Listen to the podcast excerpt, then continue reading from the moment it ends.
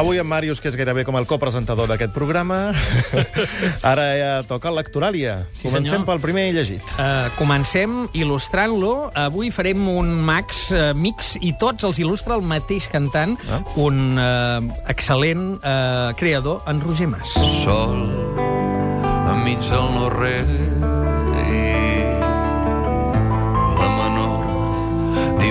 triat aquest fragment de les tres germanes per, justament, per uh, marcar i per il·lustrar els mecanismes. Fixa't que aquí en Roger Mas canta sol al mig del no-re, la menor. Eh, està parlant de les tres germanes, però alhora està explicant els acords que ell toca. Sol, re, la menor. Eh? Això és per il·lustrar l'últim Premi Mercè Rodoreda de Relats, el parèntesi més llarg de Tina Vallès. És un llibre de contes que no és pas el primer, tot i que ella és una autora novella. Eh, ha publicat ja una novel·la que es diu Mike i també algun altre llibre de contes, com l'Aeroplà del Raval i un altre got d'absenta, però aquest és el primer en el qual arriba, mm, diguem, a una certa maduresa. Són contes una mica inquietants, eh, exploren situacions domèstiques, aparentment, però tenen un estil extraordinari que flueix, eh, eh, en el qual la llengua està posada al servei del ritme, lector, eh, té una capacitat de generar imatges molt nova, és a dir, no cau, eh, no et trobes amb metàfores que ja et ressonen, eh, sinó que tota, les, eh, tota, tota la imatgeria, diguem, per descriure els sentiments i les situacions quotidianes eh, és molt particular, eh, m'ha agradat moltíssim, no m'estranya tampoc perquè aquí la Tina Vallès és una traductora i correctora que està permanentment en contacte, diguem, amb textos d'altri i que ha anat fent la seva obra eh, allò de mica en mica, amb modèstia, però que aquí, en aquest, el parèntesi més llarg, arriba, diguem, a excel·lir. Eh, hi ha contes de parelles, eh, diguem, d'enganys eh, eh, dins de... En recordo un especialment de, de dues parelles de la burgesia que queden a sopars de matrimoni i un bon dia es troben a la botiga d'ella. I bé, situacions que no són inèdites com a tals, no? Eh, però en canvi el que és força inèdit és la manera d'aproximar-s'hi, una manera que no exclou la ironia en cap moment, però que no és una ironia com la que ja coneixíem, no?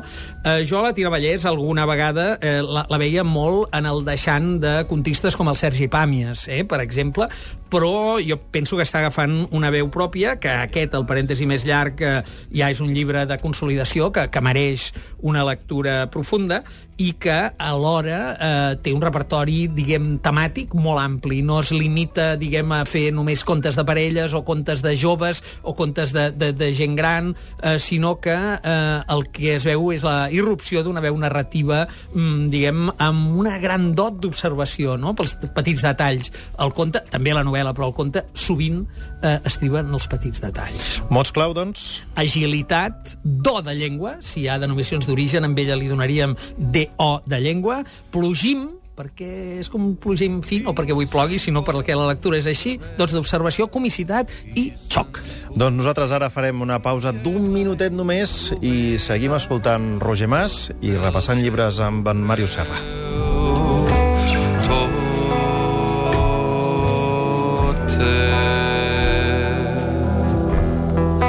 tot et fa mal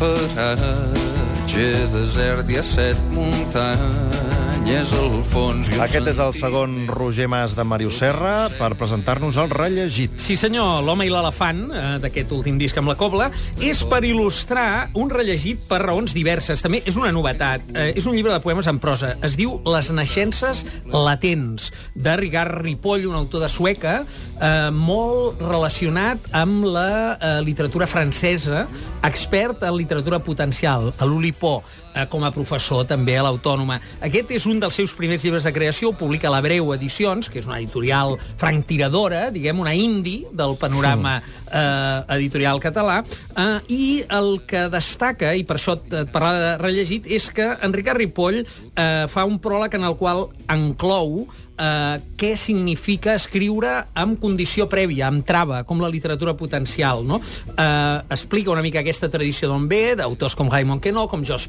Perec, autors també catalans com el nord-català Joan Lluís Lluís i d'altres autors del nostre àmbit que també s'hi han dedicat, i fa la seva aportació amb eh, diversos textos en prosa. Jo només, perquè vegeu eh, la, diguem, de vegades la dificultat, la complexitat d'elaboració de l'obra, només parlaré de la segona part del llibre, que es diu El, lloc, el llop palimpsest, eh? I que dius, carai, ja quina, quina entrada... Això ja, ja t'agrada, eh? tu, això, dels sí, palimpsests. I, I aleshores, és clar, això és un, uh, tot un alfabet, de la A a la Z, amb textos en els quals la condició és que la paraula següent comença amb l'última lletra de la paraula anterior, uh -huh. uh, que és com aquell joc infantil que fèiem, oi? Però, és clar, són textos eh, que, que diu ara anirem movent tisores sense elevar records, sud daurat, tendres sensacions. En fi, el text avança i si a tu ningú t'explica quin ha estat el seu procediment d'escriptura, tu pots llegir-lo com un poema en prosa eh, que busca nous camins, no? Gens forçat. Uh, gens forçat, i en canvi ho és, ho és, però amb el que comença per la B, doncs també